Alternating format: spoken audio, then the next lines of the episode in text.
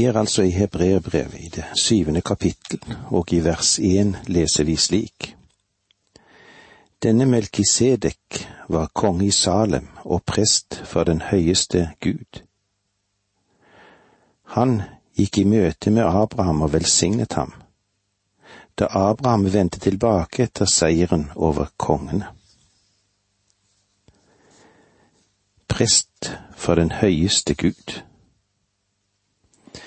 Vi skal nå se litt og ta et blikk på Kristus som prest, slik det står etter den melkisedekske orden. Og da trenger vi å vite alt vi kan om Melkisedek. Og da må vi gå tilbake til beretningen slik vi finner den i Første Mosebok, kapittel 14. Hendelsene der i Første Mosebok fant sted etter at Abrahams nevø, Lot, hadde flyttet til Sodoma, og vi har i denne beretningen den første referanse til en krig. Kongen i øst formet en allianse og gikk mot kongen i vest, det vil si dem som levde rundt Dødehavet. Kongen i øst vant og førte bort folket som slavet og tok imot rikdommen i byene som krigsbytte. Og så kom det en melding da til Abraham om at Lot ble ført bort i fangenskap. Øyeblikkelig utrustet Abraham en gruppe på 318 mann fra sin egen husholdning, som forteller at Abraham drev en ganske stor bedrift. Det er jo ganske mange mennesker han tar da. 318 mennesker, eller mann, fra sin egen husholdning. Hver mann som han ga våpen, hadde i det minste en kvinne og et barn i sin familie. Og derfor må Abraham hatt omkring ett tusen mennesker som var i tjeneste hos ham.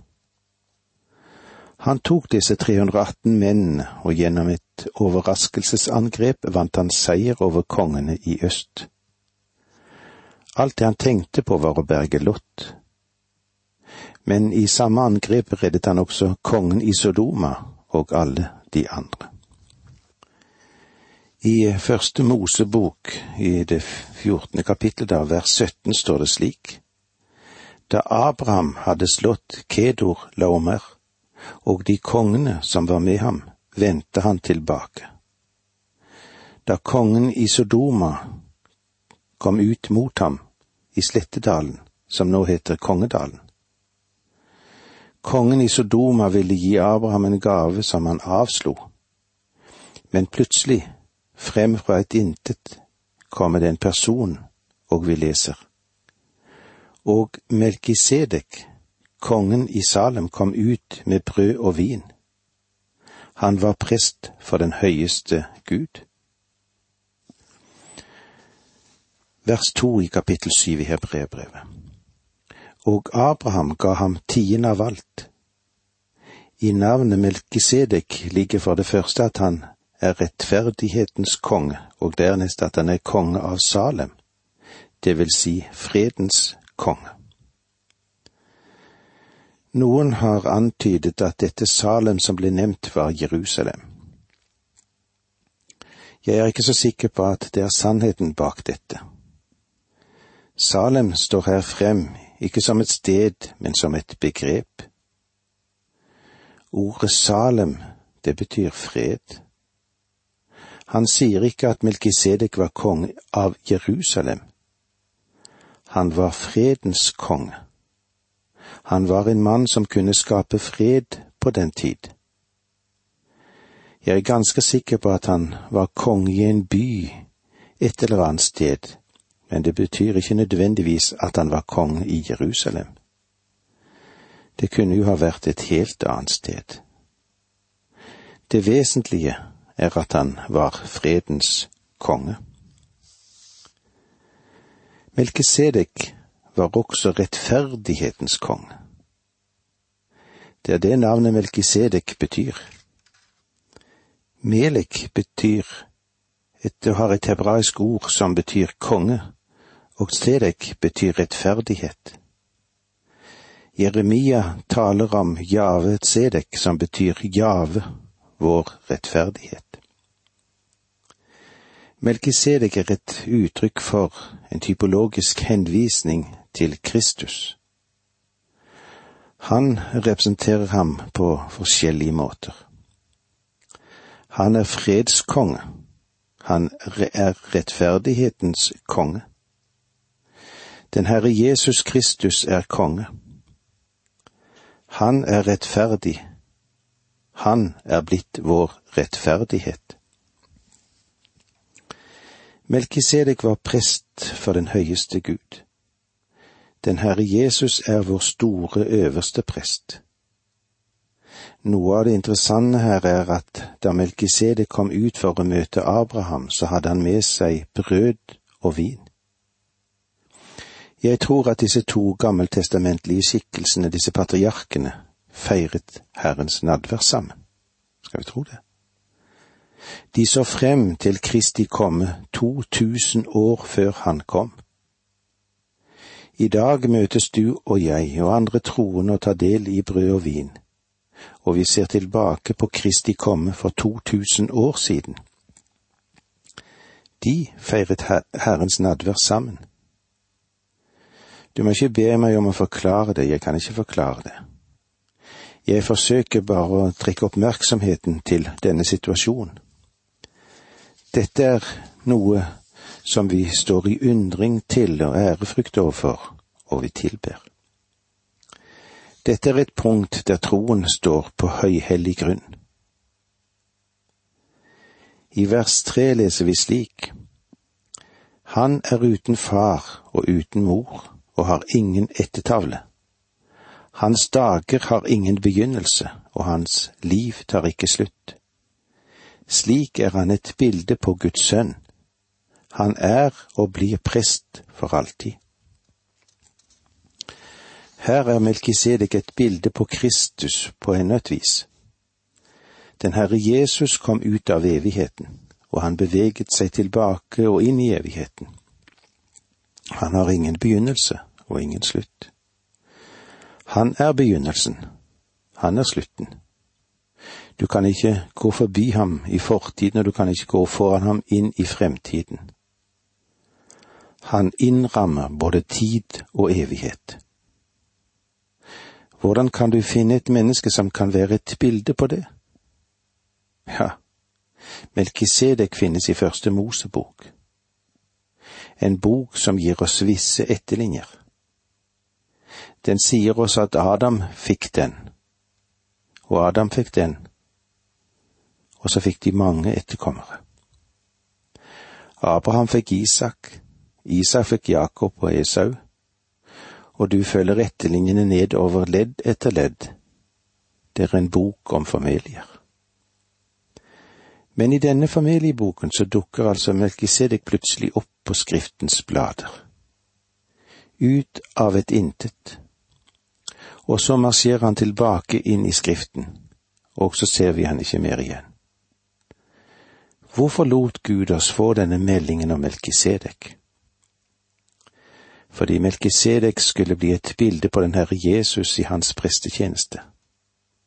Fra den profetien som ble gitt i Salme 110 ser vi at Melkisedek er et bilde på Kristus i det den Herre Jesus er evig Gud. Han er prest fordi han er Guds sønn, og han er prest for alltid. Det vil si, han fortsetter å være prest. Det vil ikke bli noen forandring i hans tjeneste fordi han er evig.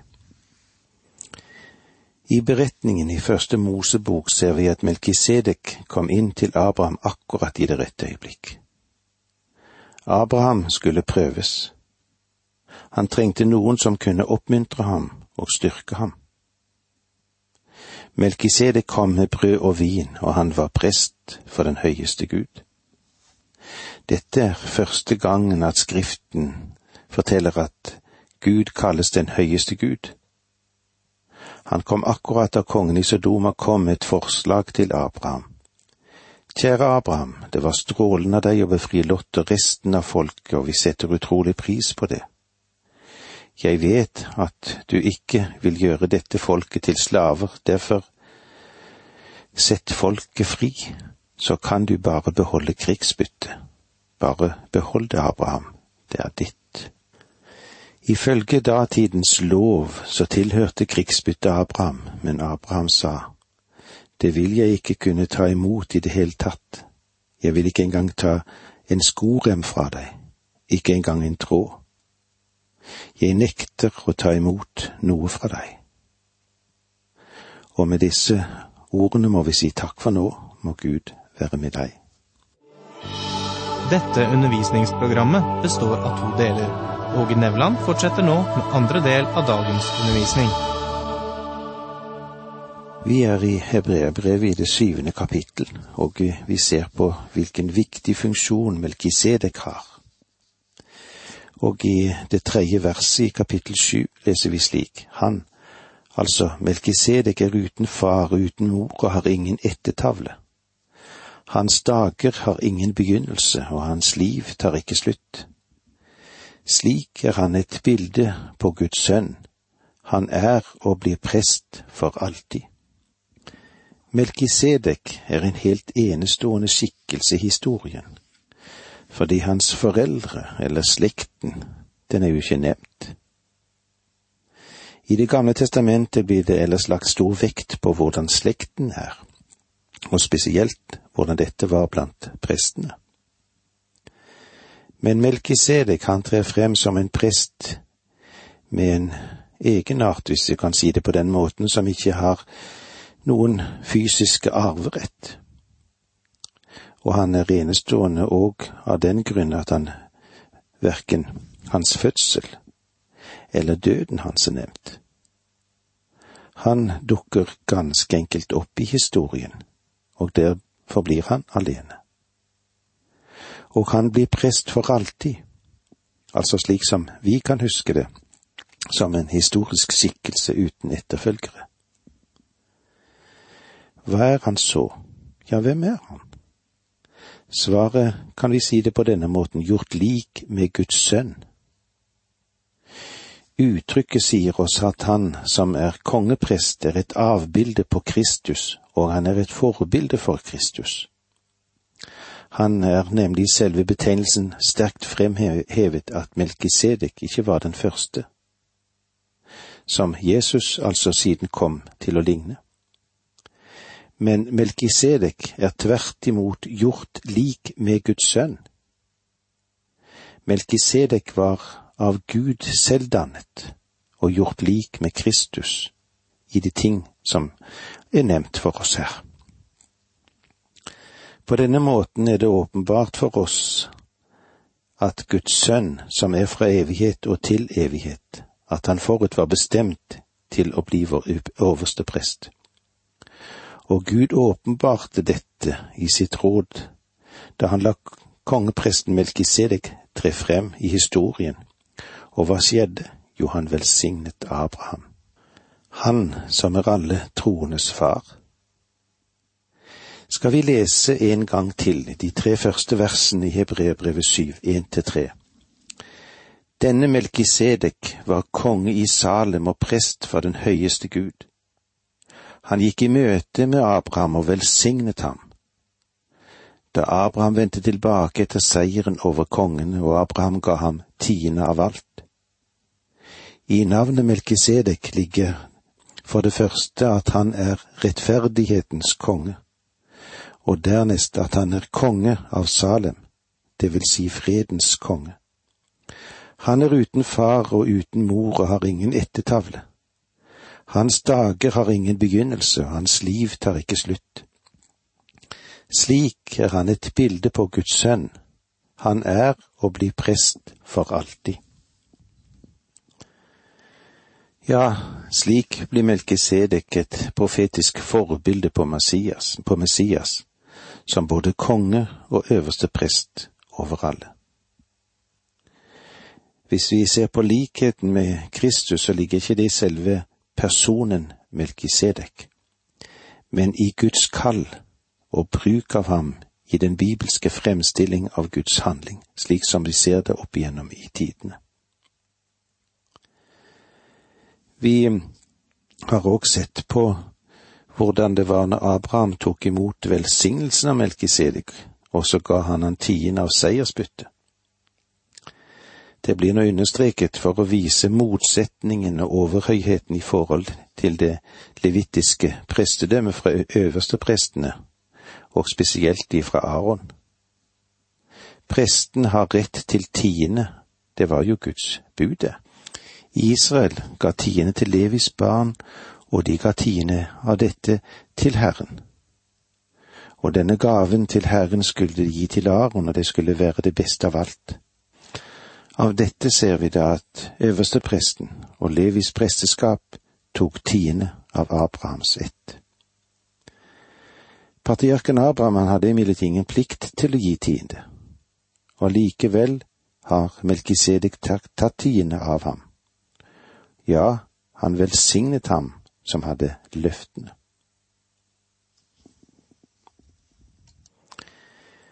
Melkisede kom altså og tjente Abraham.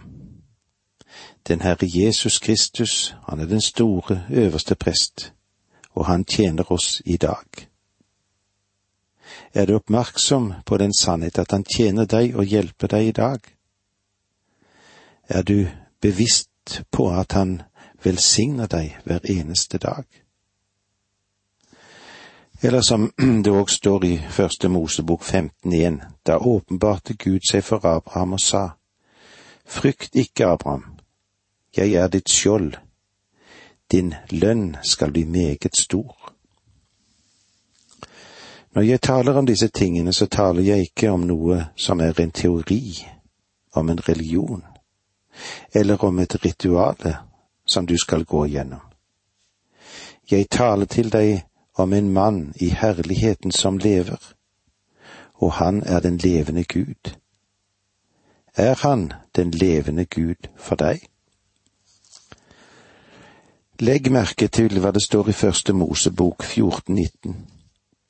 Han velsignet Abraham og sa, Velsignet være Abraham av den høyeste Gud, han som skapte himmelen og jorden. Du og jeg vi lever i et univers som tilhører Han. Han eier det. Han sier at alt er ditt i dag.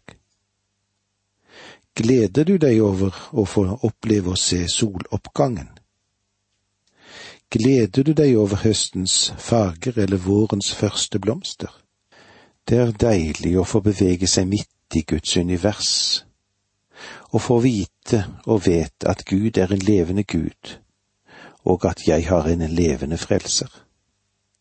Den levende frelser som er ved Guds høyre hånd i det høye. Hvor virkelig er han egentlig for deg? Når vi nå går videre, så skal vi gå inn på dette som har med Kristus er den fullkomne prest. I vers fire kapittel syv, legg merke til hvor stor han er denne mannen som Abraham, patriarken, ga tiende av det beste krigsbyttet. Abraham ga Melkisedek tiende. Han erkjente at Melkisedek sto over ham, og at han var prest for den høyeste Gud. Legg merke til hvor stor han er. Vi må vel kunne si at dette er et nøkkelord i dette brevet hvor stor han er, større enn er. Den nye pakt er større enn den gamle. Jesus er større enn alle de forbildene som finnes i Det gamle testamentet. Det var stort at de mektige engler ved enkelte anledninger viser seg for de dødelige mennesker, men Jesus er større enn englene. Moses, han var jo en stor mann, en av de største i slektens historie. Men Jesus, Jesus er større enn Moses. Han eh, er byggmesteren i det største huset. Ypperstepresten i, de gamle, i den gamle pakt, han var stor. Han gikk inn for Guds åsyn med offerblod og sonet for sine egne og for folkets synder. Men Jesus, Jesus er meget større. Han gikk inn med sitt eget blod. Han kom ikke med noe dyreblod. Han gikk inn i selve himmelen Han gikk ikke inn i et telt gjort med hender. Han gikk inn en gang for alle og behøver ikke å gjenta offerhandlingen hvert år. For der inne i helligdommen, der er frelseren nå. Hans tjeneste ble ikke avbrutt ved døden. Han, Jesus, bar seg selv fram med en evig ånd, og så står han der nå som vår mann innenfor Guds åsyn. Legg merke til hvor stor han er. Se på Jesus, og alt annet blir smått. Han, Jesus, er større enn alle dine synder. Derfor er det godt å vite at nåden alltid er større enn synden. Han er større enn alle dine vanskeligheter, derfor skal du slippe å miste motet selv i motgangen, hvor stor den enn måtte være. Legg merke til hvor stor han er. Stor i kjærlighet. Han er stor i visdom og stor i makt og stor i nåde, og størst av alt, han kan frelse oss.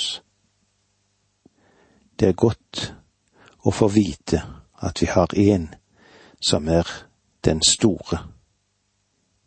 Legg merke til hvor stor han er. Jesus av Nasaret. Og med disse ordene sier vi takk for nå, må Gud være med deg.